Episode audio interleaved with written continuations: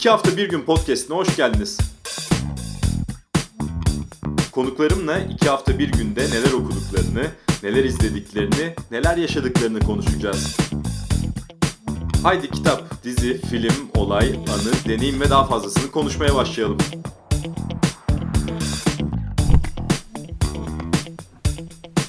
İki hafta bir günün yeni bölümünde çok değerli bir konuğumuz var.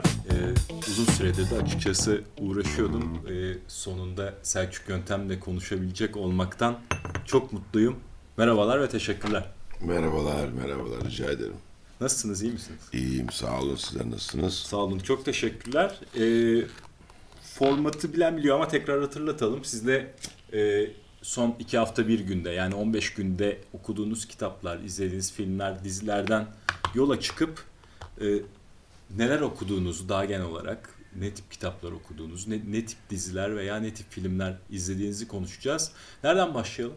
Önce film mi diyelim, dizi mi diyelim, kitap mı diyelim? Valla film dersek ben uzun zamandır sinemaya gitmiyorum. Yani gidemiyorum sinemaya. Ee, bazı özensizlikler hoşuma gitmiyor. Onun için evde seyretmekten daha çok keyif alıyorum. Ee, hatta yeni filmleri pek beğenmediğim için eski filmleri tekrar tekrar da seyrettiğim oluyor.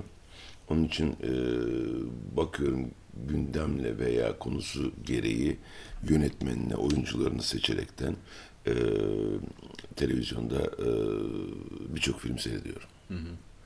Mesela yakın zamanda izleyip en çok keyif aldığınız filmler var mı aklınıza gelen? Var bir e, bir film var onu çok beğendim. E, şey ismini hatırlayamıyorum. E, Lübnan'da geçiyor.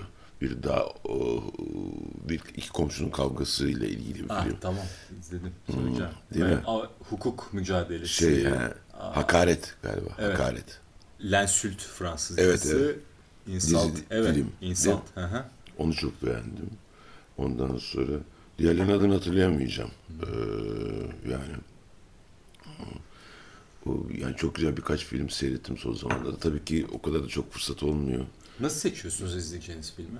E, konusuna bakıyorum, oyuncularına bakıyorum, e, değerlendirmelerine bakıyorum. Yani beni içine aldığı zaman filmi de izliyorum. Yani ben şöyle hep tarif ederim. Ben bir filmde sıkılmıyorsam o film benim için iyidir. Peki profesyonel olarak izlemek diye bir şey var mı filmi? Yani Yok. bizim izlediğimizden farklı izler mi bir Hayır, oyuncu? çok saf bir seyirci olarak izledim. Gerçekten. Tiyatroyu da, filmi de, operayı da, baleyi de. Yani hiçbir e, sanatçı gözüyle izleyerek e, seyretmem. Tamamen bir seyirci olarak izlerim. Dizilerle aranız nasıl? Dizileri seyretmiyorum. Pek zaman da olmuyor doğrusu. Hem oyunlar, provalar, e, gece sosyal yaşam. E, rastladığım zaman e, e, şey yapıyorum. E, eğer beni içine alırsa izliyorum ama son günlerde bir ilk bölümünü izledim. Ba- Babil onu çok beğendim. İyi bir iş çıkarmışlar. Çok da iyi oynuyorlar. Peki hiç böyle sizin kapılıp gittiğiniz, sizi içine alan, birkaç sezon izlediğiniz dizi olmadı mı? Oldu Outlander diye bir dizi vardı. O çok hoşuma gitti. Onu izledim. Fakat 5. sezonu ilk sezonundakiler gibi pek sarmadı.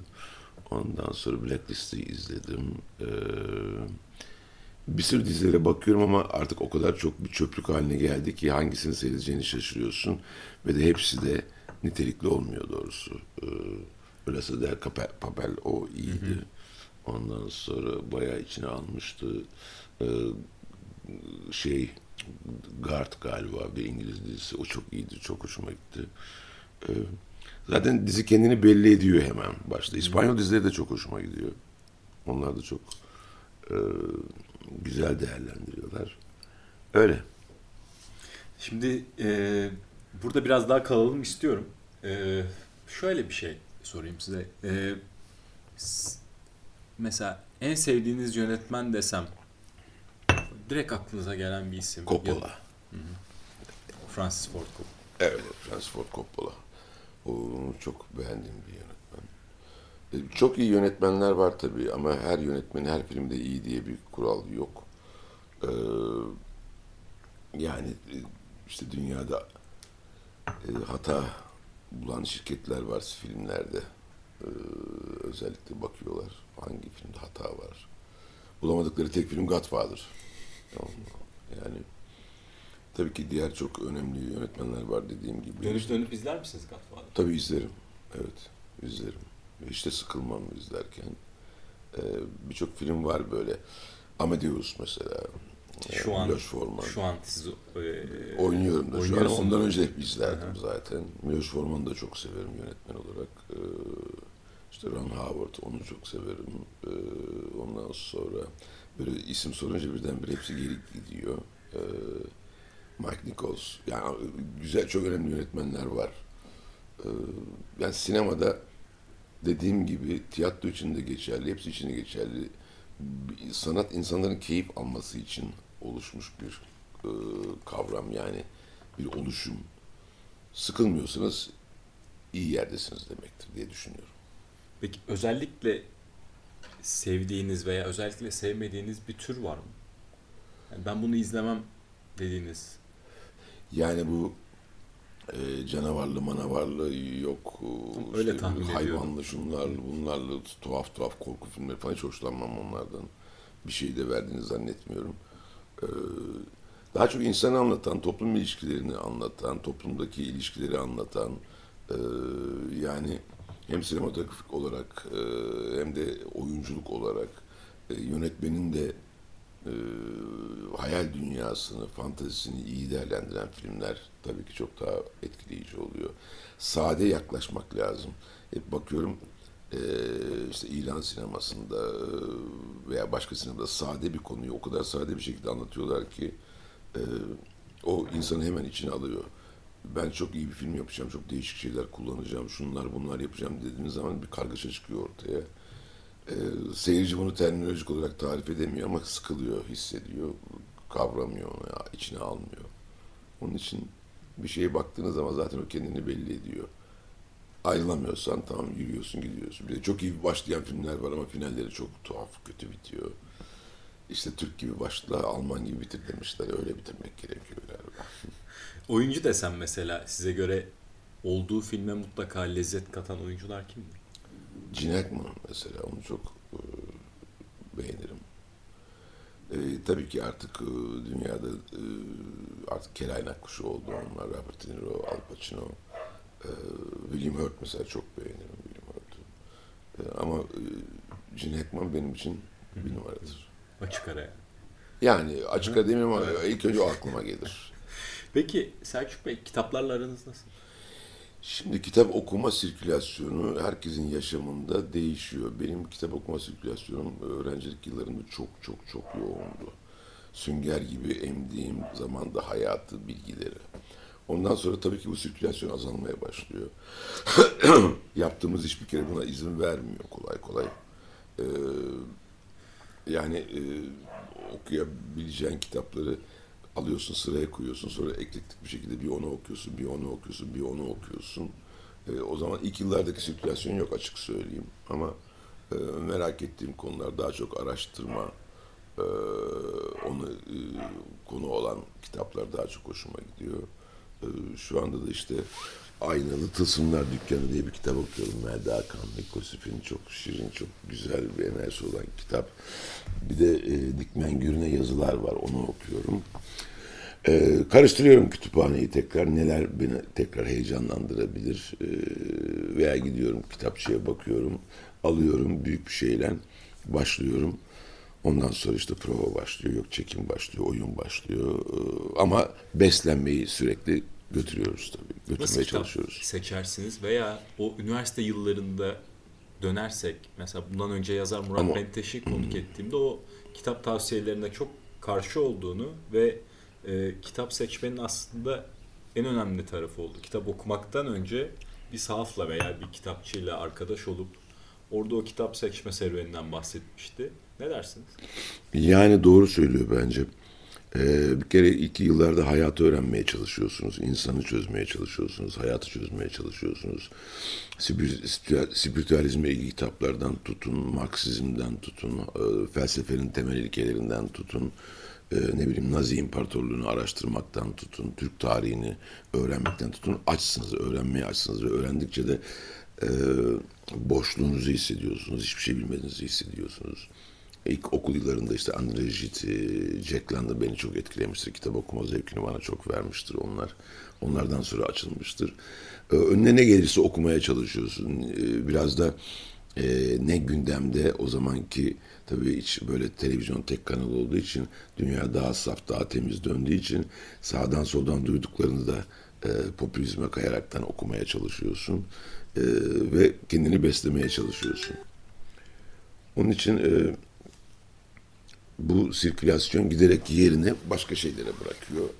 Dergiye bırakıyor, gazeteye bırakıyor. Şimdi en çok okuduğum, hoşuma giden şey gazete okumak. Günde 3-4 tane gazete muhakkak okuyorum. Ee, zaten insanoğlunun günde 20-25-30 dakika bir şey okuması şart. Ee, hem beyin için, hem algı için, e, hem de egzersiz için. Ee, nerede insan bir süre sonra açlığını hissediyorsa orada açlığını gidermeye çalışıyor.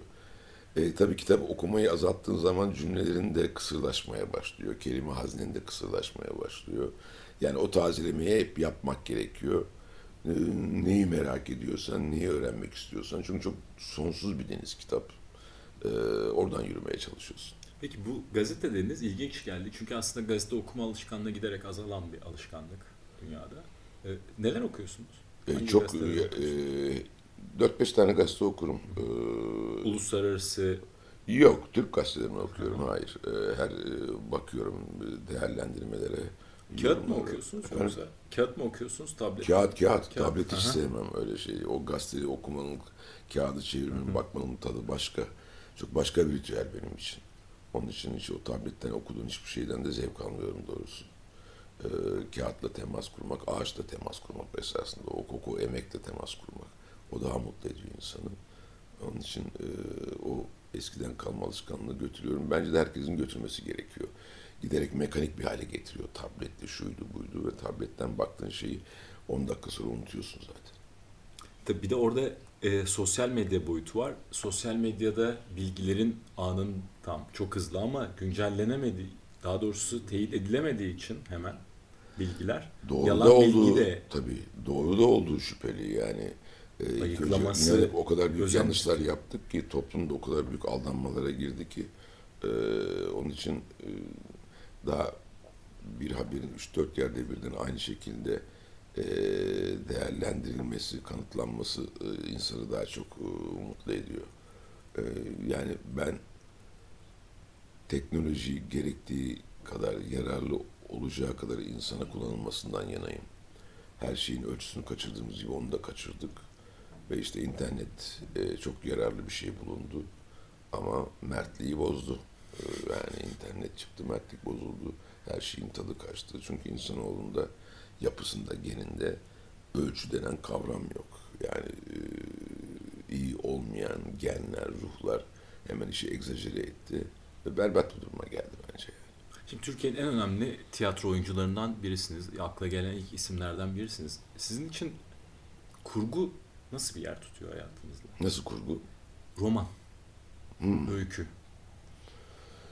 Bir yaşanmışlıktan ele alınarak yapılan bir roman öykü mü yoksa kendi hayal dünyanızda oluşturarak getirdiğiniz bir öykü mü? Siz söyleyin. Yani mesela e, bir hayal dünyasından, e, kendi hayal dünyasından yola çıkarak bir romanın yazılması e, ve bunu insanları etkilemesi çok önemli bir vaka. E, yani Murakami mesela e, ama kendi yöresel e, bir takım bilgilerden, yaşanmışlıktan yol alarak yazılan romanlar da çok değerli. E bunu siz güzel, lezzetli kelimeler yani güzel kelimelerle yan yana getiriyorsanız ve de insanları etkiliyorsanız o görevinizi yapmışsınız demektir. Çünkü işte ne bileyim Yaşar Kemal, İnce Mehmet, e, Demirciler Çarşısı Cinayeti, e, yani Ömer Seyfettin, Sait Faik e, o kadar değerli yaşanmışlıkları o saf dünyanın gerçeklerini güzel ortaya koyuyorlar ki onlardan etkilenmemek, beslenmemek mümkün değil. Onun için her ikisine de saygım var ama herkes galiba bir parça yaşanmışlığından yola çıkıyor. O muhakkak temelde yaşanmışlıktan fanteziye giden bir yol var. Biyografilerle aranız nasıl? Ay, tabii ki yani çok e, ilgimi e, çekiyor e, bazı insanların önemli ruhların e, yaşamdaki başarıları E, çünkü kolay şeyler değil onlar. Merak ettiklerimi değerlendiriyorum. Hiç var mı aklınıza gelen? Bir, var mı aklıma gelen? Hmm, Yani tabii ki e, ona oku oku doyamıyorsun Atatürk'ü yani mesela. Nutuk ve onun hayatını nereden e, başlarsa başla tekrar devam ediyorsun. Yılmaz Özdel'in müthiş bir kitabı bu araştırması. E, hakikaten nereden açarsan tekrar okuyorsun, tekrar etkileniyorsun.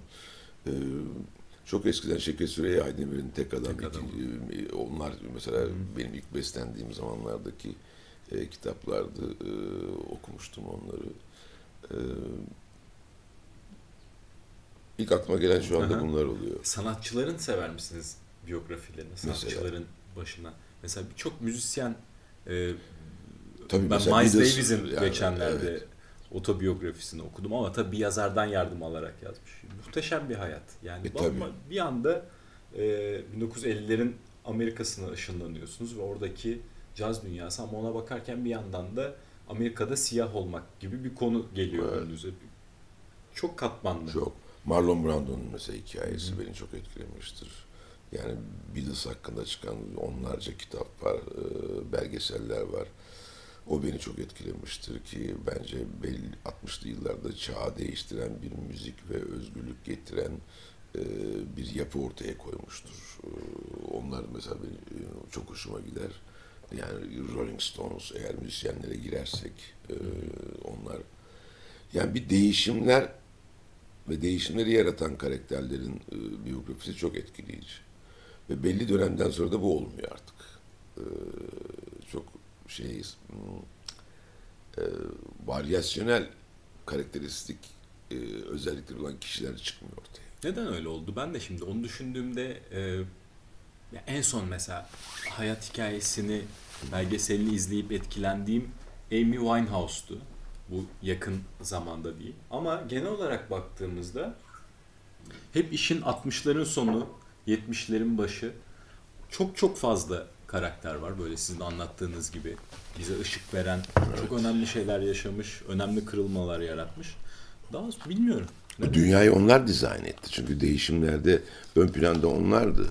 Ee, yani e, işte Hawking'den e, alalım bakalım e, ne bileyim 60'ta işte Bernard Russell'ı alalım. E, bütün dünyanın değişiminde bu İkinci Dünya Savaşı'ndan sonra geçen 10-15 yıllık süre içerisinde e, toplumu e, dizayn eden, etkileyen karakterlerin hep e, kişilikleri toplumları etkiliyor.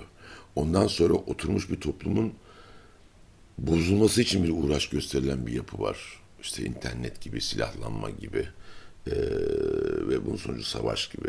Her şey egzajere olmaya başlayınca e, karakterler bir şey, ya bir karakter doğmuyor. Çünkü melodi bitti, yeni beste yapılamıyor. Filmlerin konuları bitti. Yeni bir şey yaratılamıyor. Çünkü bilgisayarla her şeyi yapıyorsun. Ee, insan yüzünü bile değiştirip yapıyorlar. Korkunç bir şey bu. Geçenlerde gördüm. Net büyük tehlike esasında. Onun için dünyayı dizayn eden, toplumları dizayn eden, dizaynı olumlu anlamda tabii kullanıyorum. Yani etkileyen, şekillendiren karakterler o işi görevini yaptıktan sonra e, onun üzerinde varyasyonlar yapılıyor şu anda. Şimdi e, burada evinizdeyiz. Ben eve geldiğim zaman çok güzel bir müzik çalıyordu. Ses kaydını alacağız diye de maalesef o müziği kapatmak zorunda kaldık ama belli ki hayatınızda müzik önemli bir yer tutuyor Çok. değil mi? Çok. Nasıl bir yer tutar müzik? Yani müzik dinlemeden yapamam. Yani evin her tarafında müzik çalar. Her odada ayrı müzik çalar. Ee, birbirini etkilemeyecek şekilde.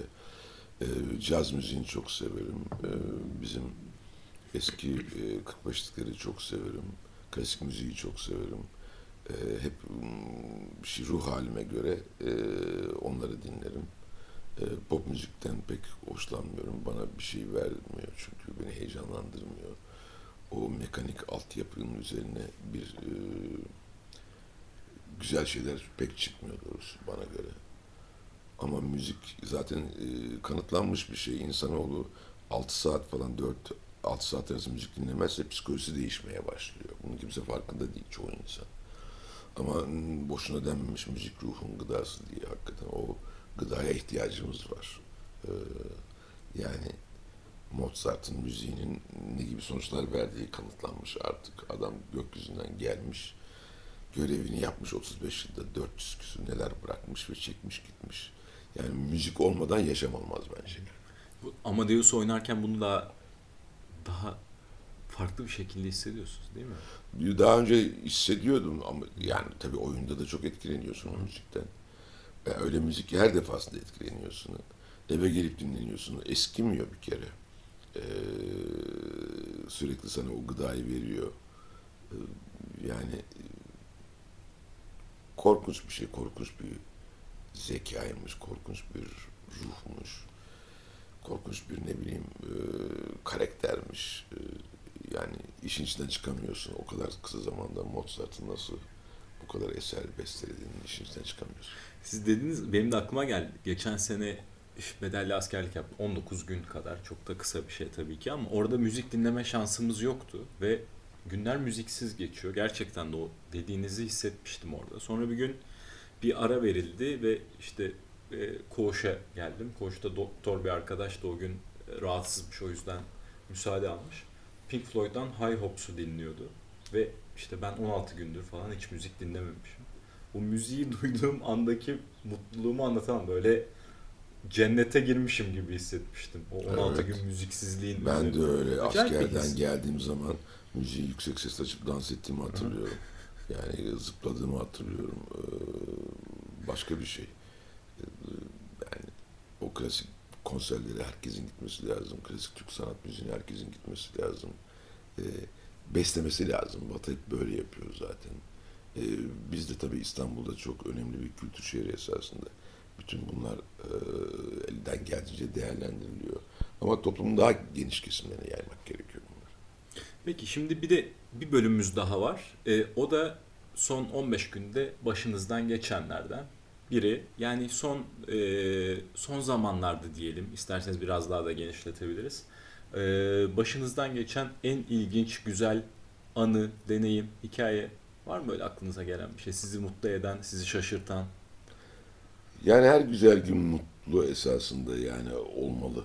Her güzel gün bence yeni bir doğum, yeni bir başlangıç insanlar için. Ama zihnimiz ve toplumsal gerçekler, olaylar bizi o kadar bulandırıyor ki o dediğin net bir olayı çok nadir yaşıyoruz. Ama bir insanın ailesini de beraber olması, sağlıklı, sıhhatli olması, onları görüp onlarla birlikte yemek yemesi, arkadaşlarıyla, dostlarıyla e, bir gülmesi 5 dakika, 10 dakika. Bunlar hep güzel anlar olarak kalıyor hayatımızda ama spesifik o sizi mutlu eden olaylar onlar zaten yaşamda her an her dakika olmayan şeyler. Hayatınızda belirli dönemde olan şeyler ve onlardan etkilendiğiniz için ayakta duruyorsunuz. Hep onlar gibi, onun gibi şeyler yaşamak için ayakta duruyorsunuz. Ee, şu 15 gündür beni en etkileyen şey yani mesela e, Amadeus'u oynamam. Her oyun benim için ayrı bir heyecan. Ee, Viyana'ya gittik. İşte Tü- Türkçe Tiyatro Festivali ikinci onun açılışını yaptık. Ee, yani bunlar güzel şeyler oluyor. Ee, bu eğer 15 günü şey yapıyorsan, değerlendiriyorsan. Ee, onun dışında pek aklıma gelmiyor. Ama dediğim gibi her günü iyi değerlendirmek, e, insanlarla güzel paylaşımlar yapmak bence güzel sonuçlar doğuruyor. Eğer oyundaki eğer iyi bir iş yapmışsınız aldığınız o alkış, o, o beğeni sizi çok mutlu kılıyor. Ve yani bundan keyif almaya da hep devam ediyorsunuz. Tabii tabii. Yoksa hayata nasıl tutunacağız? Ee, yani bir, yemek yemek, e, sohbet etmek, bir yere gitmek, kahve içmek, bir film seyretmek, bir oyuna gitmek. E, bunlar da hayatta tutunduğumuz noktalar. Mutlu olmak için e, gösterdiğimiz çabalar. Biraz da hayata akmak lazım. E, akış içerisinde hayat kendini gösteriyor. Hadi ben bugün çıkayım çok eğleneceğim, gülmekten öleceğim diye bir şey yok. Hayat ne gösterirse onun peşinden gidiyorsunuz.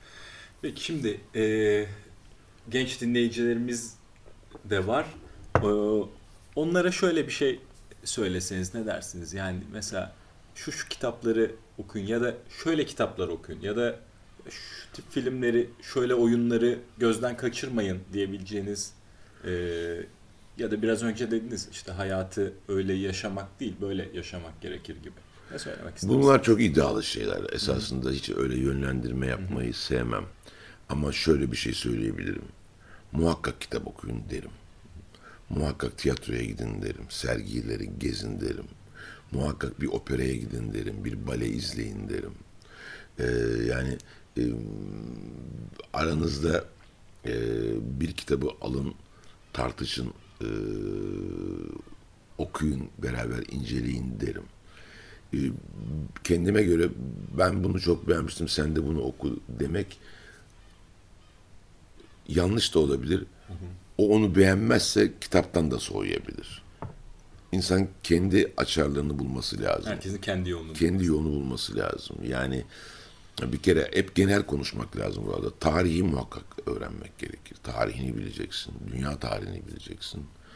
Ee, sanatın gerekliliği nedir onu öğreneceksin. Neden sanat denen bir kavram var.